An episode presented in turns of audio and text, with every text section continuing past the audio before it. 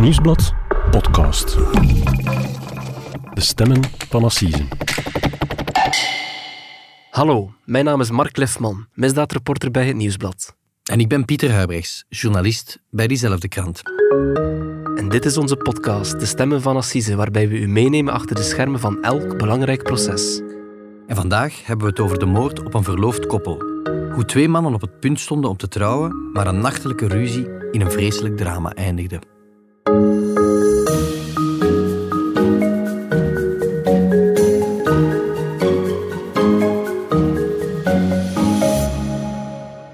Mark. Dag Pieter. Mark, welkom terug hier in onze podcaststudio, hè, Vertrouwd op Linkeroever. U, Aflevering 99 al van onze Stemmen van Assise. Mark, je bent terug in Antwerpen nadat je de voorbije week hebt doorgebracht in het Assisehof in West-Vlaanderen. Ja, in Brugge. Voor een eh, ja, toch wel heel boeiend proces, denk ik, rond Tom de Bailly, beter bekend als Tom Spier, eh, die terecht stond voor de moord op zijn vader, Frans de Bailly. Ja, dat klopt. En zoals je, zoals je zegt, was een, het was een zeer boeiend proces, want het proces gaf vooral een, een inkijk in een van de, ja, toch wel de rijkste families van ons land. En het was voor mij ook wel een beetje de bevestiging dat, ja, dat, dat drama's echt wel in de beste families kunnen gebeuren. Ja, er loopt op dit moment uh, ook een, een, moordonderzoek naar de, de, moord op baron Ules. Hè, aan de andere kant van de taalgrens. Ook daar merken ook we bij de, de, bij de luisteraar een grote fascinatie. Uh, ik stel voor dat we nog uh, straks even terugblikken op dat proces dat jij voor ons gevolgd hebt in West-Vlaanderen. Ja. Um, want de actualiteit verplicht er ons toe om nu al opnieuw terug te keren naar West-Vlaanderen. Opnieuw naar Brugge. want vrijdag start daar een nieuw proces opnieuw een moordzaak. Ja, inderdaad. En het gaat dus hier om een, een, een man van 46 uit het uh, West-Vlaamse Ingelmunster. En die wordt ervan beschuldigd dat hij drie jaar geleden, net zoals bij Tom Spier in dezelfde periode, dat hij zijn, zijn eigen partner heeft vermoord. En het gaat, om, het gaat dus om een, om een homoseksueel koppel, dat eigenlijk nog niet zo heel lang een koppel was. Mm -hmm. Maar ze hadden wel ja, zeer grote toekomstplannen, want ze waren verloofd en die, ja, ze stonden ook op het punt om, om te gaan trouwen. Ze waren gelukkig. Ze waren zeer gelukkig, zo leek het toch. Uh, tot die fatale avond waar ja, tot op vandaag nog bijzonder veel onduidelijkheid over bestaat. Oké, Mark, laat ons beginnen bij het begin en neem ons mee naar 2020. Drie jaar geleden loopt er een telefoon binnen bij de noodcentrale 112 uh, voor een dramatisch incident in het West-Vlaamse Ingelmunster. Ja, zo was het. En het, het was een winternacht, hè, februari 2020. En om, ja, ik denk dat het rond uh, 20 over 4 s'nachts belt er iemand uh, naar de hulpdiensten omdat hij denkt dat zijn vriend is gestorven. Bij hem thuis in, in de woning in de Leijzenbrugstraat in Ingelmunster. Is er meteen duidelijk bij de noodcentrale wie er belt? Ja, eigenlijk wel, want die persoon die, die stelt zich voor als Steven Marijsen en hij zegt letterlijk ja, aan de telefonist van die, van die alarmcentrale dat hij s'nachts uh, ja, op een gegeven moment met zijn hond is gaan wandelen, uh, die fatale nacht. En toen hij terug thuis kwam, rond een uur of vier, bleek dus dat zijn partner, zijn vriend, dat die ja, levensloos in de gang lag. Mm -hmm. Dat is een vreemd verhaal. Ik neem aan dat er meteen een ambulance en een mugarts ter plaatse worden gestuurd. Ja, dat is sowieso klassiek. Hè. Uh, maar ondertussen, ja, voordat die ambulance daar arriveert, vraagt de telefonist natuurlijk ook door bij Steven Marijsen. Dus die blijft aan de lijn? Ja, voilà. Uh, en het is een gesprek van, van bijna 10 minuten. En wat daar wel opvalt, Steven Marijsen zegt tijdens dat gesprek letterlijk van kijk, ik denk dat mijn vriend ja, toch redelijk wat slagen heeft gehad. Uh, maar ja, goed, hij beweegt niet meer en hij zegt, ja, ik heb nog wat water over zijn uh, gezicht gegooid, maar ja, hij reageert niet meer. Mm -hmm. De hulpdiensten arriveren dan. Kunnen ze nog iets doen voor het slachtoffer? Wel, ja, dus de ambulanciers zijn eigenlijk wel heel snel ter plekke en ja, ze proberen nog een reanimatie op te zetten, uh, maar om tien voor vijf s morgens, dus eigenlijk na, na goed een half uur, ja, dan zegt de spoedarts van, kijk, ja, stop er maar mee, het is, het is gepasseerd, want ja, die man is overleden. -hmm. Wie is die man precies? Wel, het slachtoffer die, die wordt geïdentificeerd als Gerdy Dullenwa. Dat is, een, dat, is een, dat is een man van 53. En ja, hij en Steven Marijsen die, die waren blijkbaar op dat moment al, al, al een tijdje een koppel. En dat leek ook te klikken, want ja, ze, ze waren al snel verloofd. Hè. Uh, ze hadden ook al echt concrete plannen om zes maanden later, op, op 25 september, uh, te gaan trouwen. Ze hadden, ze hadden ook al een locatie in het Izegemse Bierkasteel, was dat. Dus een grote feesthal en een brouwerij in de streek. En daar zou een, zou een grote feest doorgaan. -hmm. Dus als buitenstaander zou je kunnen stellen, het leven lachte hen toe, er waren mooie vooruitzichten. Ja, zo leek het, maar blijkbaar was er toch iets anders aan de hand. Nu goed, de uitnodigingen voor dat trouwfeest waren, waren al verstuurd. Hè. Er was, het was een feest, blijkbaar was het ook een duur feest van 15.000 euro. Alles erop en eraan, 130 tal mensen waren ook uitgenodigd. Maar bon, dat, dat feest zou er dus nooit van komen, want plots, ja, die avond lag Gerdy dood in de gang in de woning. in zeer mysterieuze omstandigheden. Mhm. Je sprak daar net al van die, die slagen hè, die, die Steven Marijzen toegeeft in dat telefoontje naar de hulpdiensten. Maakt hem dat meteen verdacht? Of? Wel, het is dus zo, ja, de Steven zei inderdaad letterlijk dat zijn vriend ja, slagen had gekregen, of het daar toch op leek. En de spoedarts die kwam tot dezelfde bevindingen. Hè. Dus het lichaam van Gerdy die lag op zijn, op zijn rug gedraaid. Uh, zeer opmerkelijk ook daarbij was dat ja, zijn jeansbroek en zijn onderbroek uh, die waren naar beneden. En op het gezicht van het slachtoffer waren er dus verwondingen zichtbaar. Er was een, een buil te zien, er waren blauwe plekken te zien. En dus ja, voor de spoedarts was het daarom meteen duidelijk van ja, hier is sprake van een, van een verdacht overlijden.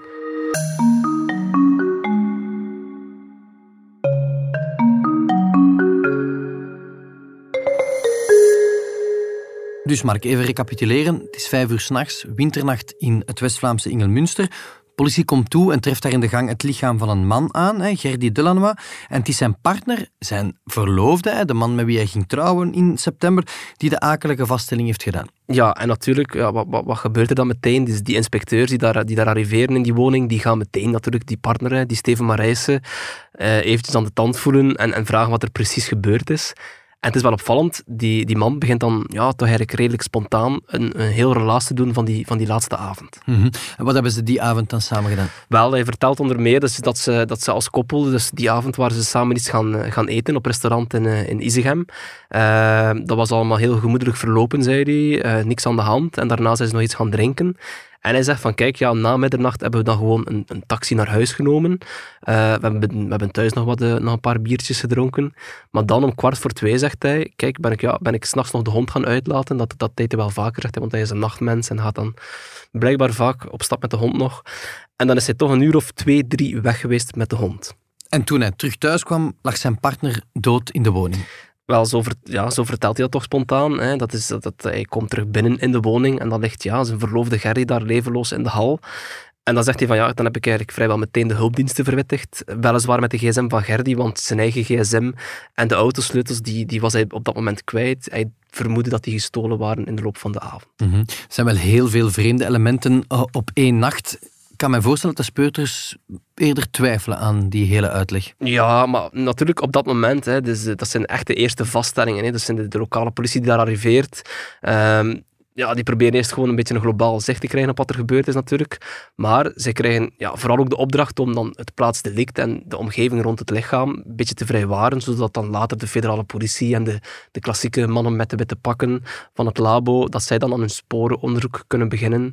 Wat er ook wel opvalt tijdens die eerste vaststellingen, buiten aan de woning op het trottoir ligt de bril van Gerdy Duranwa. Dat is ook een bizar element. En wat ook al snel blijkt, er zijn ook niet echt onmiddellijk braaksporen aan de woning. Dus het lijkt er niet, niet op dat, ja, dat, er, dat er iemand bij hen heeft ingebroken op het moment dat, ja, dat, dat Steven met de hond is gaan wandelen. -hmm. Echte smoking gun op dat moment is er duidelijk niet. Hè? Wat is er precies gebeurd met het slachtoffer? Nee, ja, soms zegt het buikgevoel van ja, hier is veel meer aan de hand. Uh, en dus was er de, de parketmagistraat die duidelijke opdrachten gaf op dat moment. En die zegt van kijk, ja, uh, neem Steven Marijsen mee naar het politiekantoor. Uh, en begin maar met een grondige ondervraging natuurlijk. En ook niet onbelangrijk, ze hebben op dat moment ook de handen van Steven Marijsen ingepakt. Zo in speciale papieren zakken, om, om daar dan eventuele sporen te vrijwaren, om te zien of hij er dan toch misschien iets meer mee te maken ja, had. Het is natuurlijk niet onlogisch dat die West-Vlaamse speurders meteen naar zijn richting kijken. Nee. Hij woont in dat huis, hij is daar een hele tijd niet geweest. Ze zijn samen op pad geweest. Klinkt allemaal niet zo onlogisch. Heeft het labo van de federale politie nog belangrijke sporen kunnen terugvinden? Ja, toch wel. Want bijvoorbeeld op de kleren van Steven Marijsen dan hebben ze dan vastgesteld dat daar kleine bloedvlekjes op zaten. Eh, ook in de woning zelf zijn er ja, bloed, bloedvlekjes aangetroffen, onder meer op de muur en in de gang.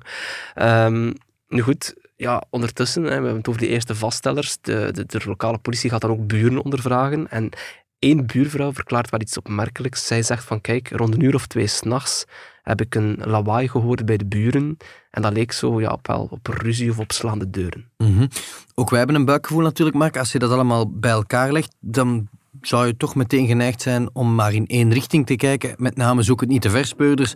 Het zal Steven Marijzen wel zijn. Voilà, dat lijkt mij ook. Maar ja, bovendien, ja, wie gaat er nu midden in de nacht tijdens vriestemperaturen twee, drie uur met zijn hond gaan wandelen? Dat is ook niet... Eerder ongewoon. Eerder ongewoon. Uh, bovendien, wat gebeurt er ook? Uh, de ambulanciers, die daar als eerste waren, die worden ook ondervraagd. En zij stelde zich ook wel meteen wat vragen bij het verhaal van Steven Marijssen, omdat hij ja, blijkbaar toch ook meermaals zijn verhaal tijdens die eerste momenten heeft, heeft bijgesteld. Nog thuis in die woning. Ja, en, en bijvoorbeeld ook aan het telefoontje met de noodcentrale. Ze hebben dat ook helemaal opnieuw herbeluisterd. Hij heeft toen ja, letterlijk gezegd van kijk, ik ben begonnen met de reanimatie tijdens dat telefoontje. Maar toen de politie arriveerde en de, de, de spoedarts arriveerde, bleek dat die man gewoon eigenlijk niks aan het doen was. En dat er ook ja, niet echt een afdruk is gevonden van zijn handen op het lichaam van het slachtoffer van Gerdy. Alles wijst in zijn richting. Ja, waarop ja, Steven Marijssen dan uh, twaalf uur na de dood van Gerdy ja, echt uh, stevig op de rooster wordt gelegd bij de politie. Er komt een eerste grondige ondervraging um, en hij vertelt daar eigenlijk ja, vrij spontaan van kijk, uh, Gerdy en ik bekenden elkaar sinds 2015. Mm -hmm. um, eerst waren we vrienden, maar dan sinds ja, juni 2019 waren we een koppel. En hij doet opnieuw het relaas van die avond. En hij, ja, hij herhaalt daarbij van, kijk, ja, ik ben met de hond gaan wandelen. Alles is rustig, gemoedelijk verlopen. We waren aan het praten over ons huwelijk. We waren aan het praten over Frankrijk, waar we in de toekomst wilden gaan samenwonen. Uh, maar hij moest ook wat toegeven van, kijk, ja, we hebben die avond wel heel veel gedronken. Uh, veel meer dan die initiële biertjes. Ja, ja er, was, er was veel meer gedronken. En dan finaal zegt hij in die eerste lange ondervraging dat er, ja, dat er, dat er geen ruzie tussen hen is geweest. Dat hij vermoedt dat, ja, Gerdy gestruikeld moet zijn, misschien uit, uh, uit dronkenschap. En dat hij dan slecht is neergekomen. Uh, maar feit is, en hij blijft volhouden op dat moment, ik heb niets te maken met het overlijden van Gerdy.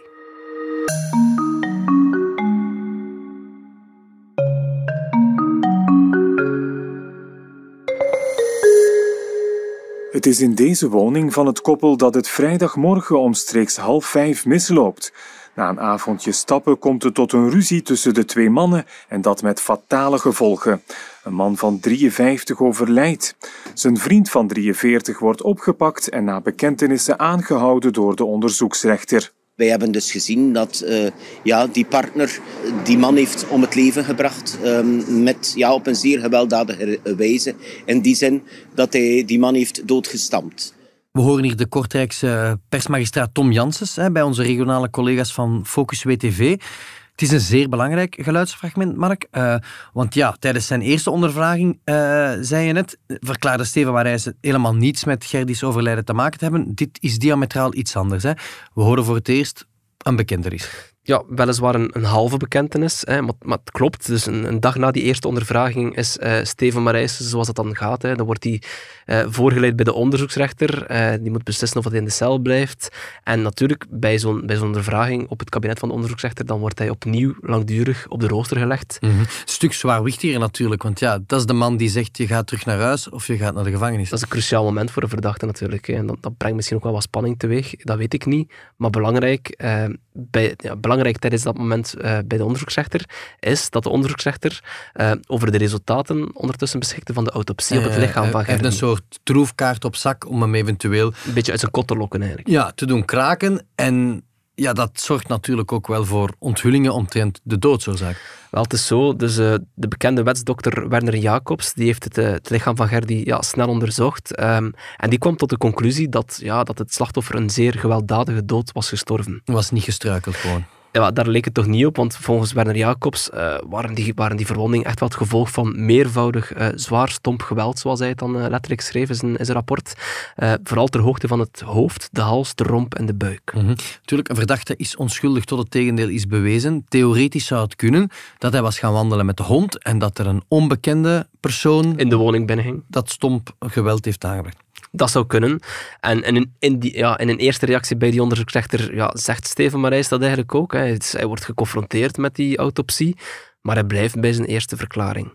Nu, wel zeer opmerkelijk. Uh, even later tijdens dat verhoor zegt hij van ja, dat, dat verhoor wordt onderbroken en, en Marijs die, die, ja, die pleegt een overleg met zijn advocaat. Ja, dat is iets dat, dat je altijd kan doen tijdens ja. een verhoor. Kijk, ik heb uh, een moment nodig in besloten kring om met mijn advocaat even te overleggen. Voilà, dat kan. Uh, dat, is, dat is niet ongebruikelijk, maar dan, ja, het, het verhoor gaat nadien verder.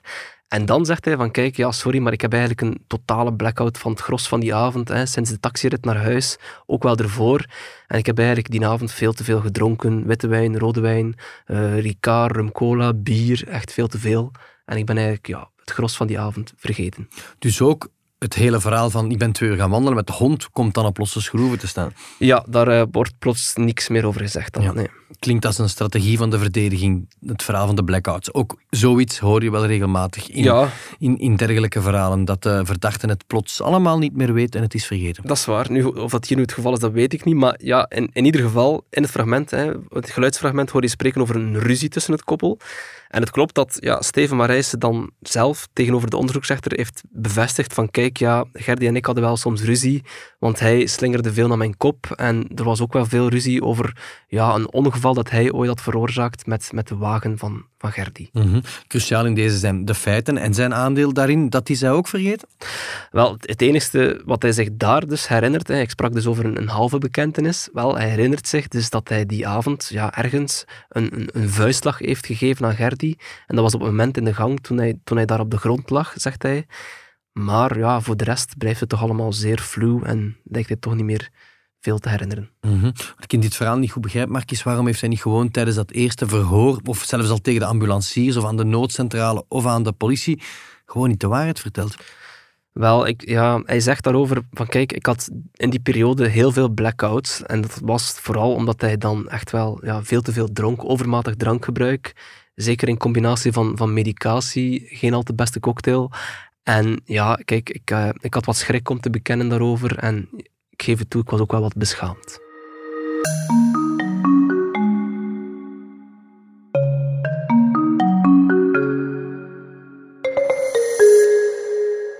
Slotsom is maar dat we met een zeer tragisch verhaal zitten. Hè. Je een koppel dat op het punt staat te trouwen. De trouwuitnodigingen zijn klaar. Het leven lag ten toe. Ja, er is een fatale nacht. De ene is dood en de andere zit na een dronken ruzie in de cel. Ja, en ik denk ja, zeker voor de nabestaanden van, van Gerdy Dunnanwa moet dat vooral ja, toch zwaar om te dragen zijn, want zij hadden dat allemaal niet zien aankomen en er was ook totaal geen echte aanleiding daarvoor. Dus voor hen moet dat, uh, moet dat zeer zwaar zijn. Denk ik. Ja, over hem heb je nog niet veel verteld in deze podcast. Wat voor iemand was dat? Nee, eh, wel, wel Gerdy was, ja, dat was iemand die, die, ja, die volgens getuigenissen toch ja, is opgegroeid in een zeer warm en goed nest. Hè. Dus hij had nog een jongere broer en, en vroeger woonde het gezin samen in Kachtem, is een deelgemeente van Isgem wel opmerkelijk, Gerdy is zelf tot zijn, tot zijn 52ste bij zijn ouders thuis blijven wonen. Dus hij leefde nog maar een jaar gescheiden van zijn ouders? Ja, en, en uh, het was eigenlijk zo, dus hij kon het altijd goed vinden met zijn broer. Hè. Hij, hij, wordt omschreven als een zeer brave man, een harde werker ook, zeer stipt en perfectionistisch, sociaal geëngageerd ook. Hè. Hij was actief in een kaartclub en in de lokale voetbalclub, dus eigenlijk een ja, heel normale man. Mm Waarom is hij zo lang thuis blijven wonen? wel, blijkbaar heeft hij thuis nooit echt ja, interesse getoond uh, in vrouwen of heeft hij ook nooit een eerdere relatie gehad. Um, dan op zijn 52 e is hij dan ja, blijkbaar wel beslist om te verhuizen naar een appartement. En ja, op dat moment heeft hij zich ook uh, aan zijn familie ja, voor het eerst ja, geout als, ja, als, als homoseksueel. Pas op zijn 52 e Ja, en um, dan heeft hij in die periode ook een eerste relatie gehad en dat is uiteindelijk dan afgesprongen. En nadien heeft hij dan ja, Steven Marijsen leren kennen. En wordt Steven Marijsen ook als zo'n gemoedelijke man omschreven? Nee, dat is toch wel, toch wel een beetje anders. Dus Steven Marijsen die wordt ja, door kennissen toch wel anders omschreven. In die zin, hij had een, had een ja, veel minder warme jeugd. Hij kwam als, als jonge tiener al, uh, al, al vroeg in contact met alcohol en drugs. En ja, mensen zeggen van, sindsdien liep het al snel een beetje fout. Hij werd vaak agressief. Mensen zeggen van, kijk, ja, nuchter viel hij wel mee, maar als hij dan onder invloed was, dan ja, viel er eigenlijk met hem geen land te bezeilen. Nu, hij outte zich in tegenstelling tot Gerdy al, al veel eerder als, uh, als homoseksueel. Ehm, hij had ook al heel wat relaties gehad. Ehm, maar dus ja, in tegenstelling tot, tot Gerdy, die als warme man wordt omschreven, kon hij wel ja, agressief, manipulatief en, en gemeen uit de hoek komen. Zo wordt hij toch omschreven. En, ook niet onbelangrijk, ehm, in bepaalde eerdere relaties had hij ook al eens uh, geweld gebruikt. Mhm. Tijdens dat verhoor bij de onderzoeksrechter, dus het moment dat hij wordt aangehouden, geeft hij toe van ja, ik gaf een vuistslag. Maar als we dan teruggrijpen naar het geluidsfragment van, van uh, parketmagistraat Tom Janssens, die spreekt ook duidelijk over zeer ernstig geweld. Dat gaat verder dan gewoon een vuistslag. Uh, en je zit met een verdenking van moord. Um, we zijn nu drie jaar later. Heeft hij intussen uh, op cel achter tralies de echte waarheid kunnen terugvinden in zijn geheugen? Goh, wel, in, de, in, de, in ja, de voorbije jaren heeft hij eigenlijk verschillende verklaringen afgelegd over de, de, ja, de ware toedracht. Uh, in die zin, uh, tijdens het tweede verhoor bij de speuders heeft hij dus ja, toegegeven van kijk, dat wandelen met die hond, dat was uh, verzonnen. Dan toch? Laat dat achterwege. Het klopt helemaal niks van. De speuders hebben op dat moment ook camerabeelden getoond, want ze hebben natuurlijk ja, heel onderzoek gedaan in de cafés, in het restaurant waar, dat hij, waar ze dan die avond geweest waren. En op camerabeelden op café is duidelijk te zien dat er op een gegeven moment ruzie was ontstaan tussen Gerdy en, en Steven. En, en, op de beelden kunnen de politieagenten zien dat uh, Steven twee keer zijn middelvinger uitsteekt naar Gerdy. Maar ook dat was hij dus vergeten. Dat was hij dus blijkbaar vergeten, maar hij zegt van kijk, ja, ik sluit het niet uit dat dat gebeurd is, maar ik weet het eigenlijk niet meer. Um, wat hij wel weet op dat moment uh, in zijn nieuwe verklaring is van kijk, ja, thuis in de living is er dus wel wat wel weer ruzie ontstaan en heb ik een duw gekregen van Gerdy. En ik ben dan ja, helemaal geflipt uh, als gevolg van de alcohol, van de zattigheid. Dan zijn ze echt beginnen vechten. En dan ben ik op hem gevlogen, heb ik hem bewerkt met mijn vuisten en heb ik hem ook enkele jaar rake stampen gegeven.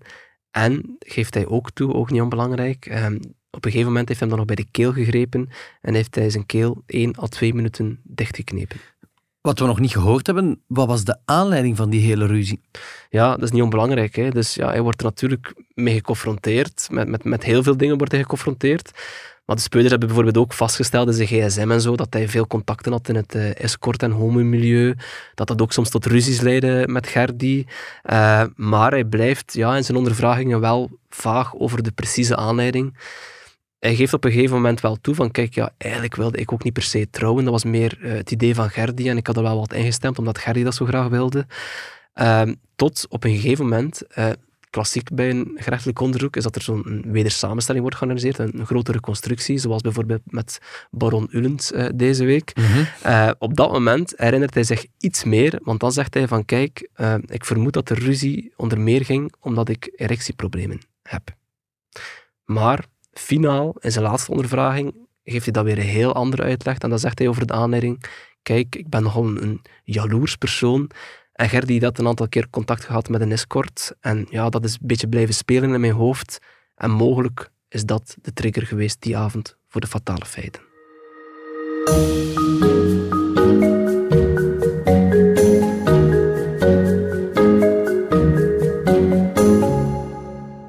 Mark, dan maken we een sprong in de tijd. We gaan naar het Assisehof in Brugge. Drie jaar later. Drie jaar later, hè, vrijdag is dat van start gegaan. Je zit met een beschuldigde Steven Marijzen die de feiten uh, toegeeft hè, op zijn uh, verloofde Gerdy. Ja, ook al zegt hij niet veel meer te weten, net door die overvloed aan drank de avond voordien. Ja, en dus ja, het proces is, uh, is inmiddels gestart en, hij wordt beschuldigd van moord. Dus, dus ja, dus we weten dat is uh, doodslag met voorbedachtheid en daarop staan ja, toch uh, straffen tot levenslange opsluiting. Hè. Ja, en de recente geschiedenis leert dat er in Brugge ook levenslang wordt uitgesproken. Soms, daarover later meer. Denk jij dat dat iets op dit proces gaat betwisten? Ik weet het niet. Ik heb geen idee hoe de verdediging ja, zijn, ja, zijn betoog zal voeren. Uh, nu, het is zo, hij wordt op het proces bijgestaan uh, door advocaat Philippe de Reuze uh, en zijn collega Floor Amay. Mm -hmm. Philippe de Reuze die kennen we vooral nog van het dossier rond de diaken des doods. Ivo Poppe, destijds uh, spraakmakende zaak. Ja, en bijvoorbeeld ook op de, het proces van het zogenoemde duivelskoppel van Jean-Claude Lacote was hij ook de advocaat. Dat was ook een bekende zaak. Maar goed, het is niet duidelijk wat hij nu zal pleiten. Uh, misschien gaan ze wel die voorbedachtheid proberen wegwerken. Dat is een klassieker op Assise. Ja, dat ze dan uiteindelijk uitkomen bij doodslag, dat het meer in een, in een impuls is verlopen, uh, heel die feiten. Daar staan dan weer minder zware straffen op. Maar goed, dat is een beetje, beetje af te wachten. Ja. Wie treedt erop voor de nabestaanden van Gerdy? Ja, dat is ook uh, een zeer bekende naam, misschien wel de bekendste naam, want uh, de nabestaanden die worden bijgestaan door uh, Jeff Vermassen, die dat samen met zijn twee medewerkers zal doen, Steffen Schellink en Emeline van Horen. Mm -hmm. Voor de volledigheid, wie is de aanklager en voorzitter in dit verhaal? De aanklager is Michel van de Werf en de, de voorzitter is de ervaren voorzitter Willem de Pauw. Die is hier ook al regelmatig aan bod gekomen proces is lopende in Brugge. Uh, Mark, we gaan het uiteraard volgen hè, uh, online. Uh, het zal een kleine week in de krant. Het gaat een week duren. Bedankt om dat hier te komen toelichten. Voor we deze podcast neerleggen, moeten we het uiteraard hebben over het vorige proces in Brugge. Zeer -hmm. spraakmakende zaak, waar veel rond te doen was. Hè. Het proces rondom Spier, daarnet al gezegd. -hmm. Die zijn vader Frans, hè, een bekende arts uit Kortrijk, die in een kasteel woonde, doodsloeg op de trappen van het kasteel. Ja, echt wel zeer ernstige feiten. En dat is, op, dat is op het proces ook wel zeker duidelijk geworden. Maar zoals ik al zei in het begin van de podcast, hè, wat mij vooral bijbleef, was zo'n beetje de, de setting van die, van die feiten. Hè. Je zit met dat kasteel. Uh, de familie de Bailly uit Kortrijk is echt wel een, zeer hoog aangeschreven familie, met, met zeer veel aanzien. Dat is zo niet... niet uh, niet echt een courante plaats voor zo'n feiten. Nee, en, en de beschuldigde, Tom Spier, heel beruchte figuur, uh, bodybuilder, heel veel problemen, zwaar strafblad. Maar ondanks die marginale mhm. kant van de familie en dat uh, crimineel parcours, iemand met heel veel centen op zijn rekening. Ik las je stukken en je sprak daarvan uh, dat hij meer dan 2 miljoen euro op zijn bankrekening had. Er waren allemaal dingen die een beetje tijdens het proces ja, plots aan bod kwamen. Hè. Dus de, de ouders van Tom de die waren, die waren ja, eigenlijk steenrijk. Hè. Zijn moeder was erfgename van, van de KBC-stichters. Uh, ook zijn vader die had als arts heel veel geld verdiend. Uh, en dan was er dat kasteel, Hoogmosser. Uh, wat frappante vond ik, is dat ja, heel dat proces Um, dan zie je dan die beschuldigde zitten, hè, Tom Spier, zoals, hem, zoals hij noemt. Um, dat valt dan helemaal niet te rijmen met, met de rest van zijn familie, met zijn ouders, met zijn zussen die kwamen getuigen, die, die een gewoon heel normale levenswandel kenden. Met, met een notaris die komt getuigen, die is, die is de, de, een van de beste vrienden van het slachtoffer. En dat, is, ja, dat, dat contrast was heel groot met de man die daar dan zat. En zijn, en zijn, ja, zijn verleden, zijn gewelddadig verleden vooral ook. Mm -hmm. Ik herinner me de foto van Tom Spier in de krant. Hè. Mm -hmm. ja, imposant figuur, al dan niet opgepompt met, verboden producten, maar iemand die het schopte tot wereldkampioen bodybuilden. Ja, en als je dan op een paar meter van hem zit, dan, dan zie je een heel andere man. Zie je eigenlijk een, ja, een, echt een verouderde man, een man van, van bijna 60. Geen spierbundel. Uh, geen spierbundel meer. Een, een, man die elke dag naar de rechtbank kwam in zijn, in zijn gevangeniskleren. Die had niet eens blijkbaar ja, was hij niet meer vermogend genoeg, ondanks die, ja, die, die, dat geld op zijn rekening, om, om, om fatsoenlijke kleren aan te doen. En als je hem hoorde spreken, kwam hij over als een zeer intelligent persoon wel. Dus het was allemaal een beetje moeilijk rijmen met elkaar. Nu, over de feiten zelf. Uh, zijn we op proces niet zo heel veel meer te weten gekomen, want hij is hetzelfde blijven vertellen zoals hij al drie jaar zegt eigenlijk. En hij zegt van kijk, ik herinner me van die fatale avond met mijn vader dat ik, een, dat ik hem een, een vuistslag gaf. Uh, maar toen heb ik een blackout gekregen en ja, dan werd het allemaal zwart. Dat is eigenlijk copy-paste wat er deze week in Assise Wel, dat is een beetje herkenbaar met het verhaal van Steven Marijs, hè, dat klopt, ja. En ook hier heb je het verhaal van te veel drank, voilà. medicatie. Ja, dus Tom de Bailly die gaf dat ook op het proces als verklaring van kijk, ja, ik denk dat de feiten, dat een van de triggers ook dus ja, die, die overvloed aan drank zijn geweest en volgens mij ook in combinatie met anabole steroïden dat hij dan zou gebruikt hebben, ook al is daar, hebben deskundigen vastgesteld dat daar niks mee te maken heeft. Uh, maar goed, ja, hij is uh, echt wel door het lint gegaan die fatale avond. Dat hebben we ook ja, echt wel met onze eigen ogen kunnen vaststellen, want ja, er werden op het proces natuurlijk ook beelden getoond van het slachtoffer, beelden van de autopsie uh, op, op zijn vader Frans de Bailly. En daaruit bleek echt wel dat die man enorm zwaar is toegetakeld. Er was sprake van meer dan 50 kwetsuren. Dat waren eigenlijk wel vreselijke beelden om te zien. Weinig getuigenissen die positief kwamen spreken over hem. Je zit dan met die zware feiten en dan dat uh, verhaal, al dan niet een riedeltje over die blackout. De jury heeft streng geoordeeld. Ja, dus de, er is heel lang gepleit geweest. De advocaat van Tom Dabai die had, die had gevraagd aan de jury van kijk, ja, hou alsjeblieft rekening met verzachtende omstandigheden. Hè. Dus de aanklager had s morgens uh, levenslange opsluiting gevorderd. Maar hij zegt van ja, kijk, vergeet toch niet dat de jeugd van Tom Spier, hè, dat dat echt niet zo rooskleurig was. Ondanks de rijkdom en het, het ogenschijnlijk perfecte plaatje van het ja, kasteel. volgens de advocaat, en volgens Chris Vinken, de advocaat van uh, Tom Spier, was dat dus helemaal niet het geval. Maar ja, die heeft daar lang en vol overgave over gepleit. Maar de jury en het hof die gingen ja, uiteindelijk niet mee in dat verhaal. Uh, het werd dus uiteindelijk toch uh, levenslange opsluiting. Nu, je moet weten, dus ja, Tom Dubailly die is nu ja, 60 jaar. En ja, dat wil zeggen dat hij te vroegste op zijn 72ste uh, kan hij voor het eerst mogelijk in aanmerking komen om vervroegd vrij te raken. Dan moet je misschien even duiden, want je zegt levenslang veroordeeld, 60 jaar, op zijn 72ste kan hij dat aanvragen. Dat is na 12 jaar. Dat nee, het is eigenlijk anders. Het is eigenlijk zo, um, bij een levenslange opsluiting kan je ten vroegste na 15 jaar die, die, die vervroegde vrijlating voor het eerst aanvragen. En Tom Spier zat al jaren in voorrechtenis. Hij zat al drie jaar in voorrechtenis. Uh, zo, simpel rekensommetje, 15 min 3 is 12. En op die manier kom je uit bij 72 jaar. Maar ik veronderstel dat jij het proces in Brugge ook voor ons verder zal opvolgen. Uh, de luisteraars van Stemmen van Assise, die weten dat die kunnen ons uh, volgen op onze website, in de krant, op onze Instagram-pagina en wie weet nog in een volgende podcast. En dat zal de honderdste aflevering zijn, uh, Mark. En dan zullen we de dood van Ilse Uiterspot in Aalst belichten. Ja, sowieso. Dit was de Stemmen van Assise. een podcast van het Nieuwsblad. De presentatie was in handen van Mark Liefman en mezelf, Pieter Huibrechts. Voor de fragmenten gaat onze dank uit naar Focus WTV. De audioproductie was in handen van Benjamin Hertogs van House of Media. De productie werd in goede banen geleid door Bert Heijvaart, Jonny Keimolen en Sige van Gelder.